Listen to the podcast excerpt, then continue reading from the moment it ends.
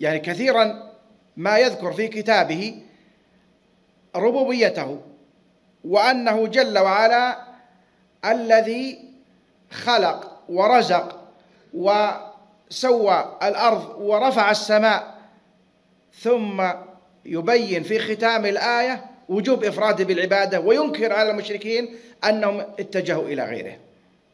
قال تعالى ولئن سألتهم من خلقهم لا يقولن الله فأنا يؤفكون. هنا اعترفوا بشيء وتركوا شيء. انتبه. فأنا يؤفكون يعني فأنا يصرفون. كيف يتركون؟ الواجب عليهم وهو عبادته. وهم قد عرفوا أنه خلقهم. إذا اعترافهم بالربوبية هذا إقرار بالربوبية. الذي الله الذي جعل لكم الليل لتسكنوا فيه والنهار مبصرا. إن الله لذو فضل على الناس. ولكن أكثر الناس لا يشكرون. ذلكم الله ربكم خالق كل شيء. لا إله إلا هو فأنا تؤفكون. كذلك يؤفك الذين كانوا بآيات الله يجحدون. قل من يرزقكم من السماء والأرض أمن يملك السمع والأبصار ومن يخرج الحي من الميت ويخرج الميت من الحي ومن يدبر الأمر فسيقولون الله. فقل أفلا تتقون؟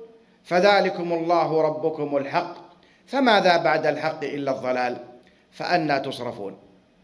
انظر إلى الفتية الذين آمنوا حتى تعرف تربط بين الآيات.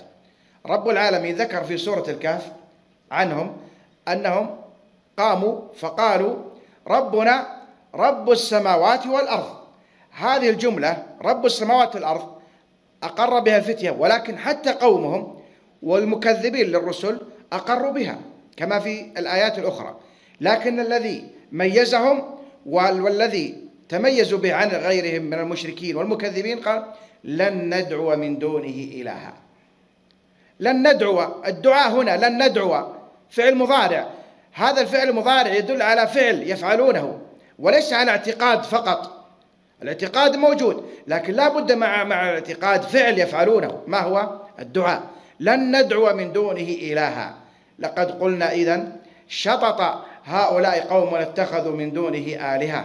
لولا يأتون عليهم لولا يعني هلا لولا يأتون عليهم بسلطان بين.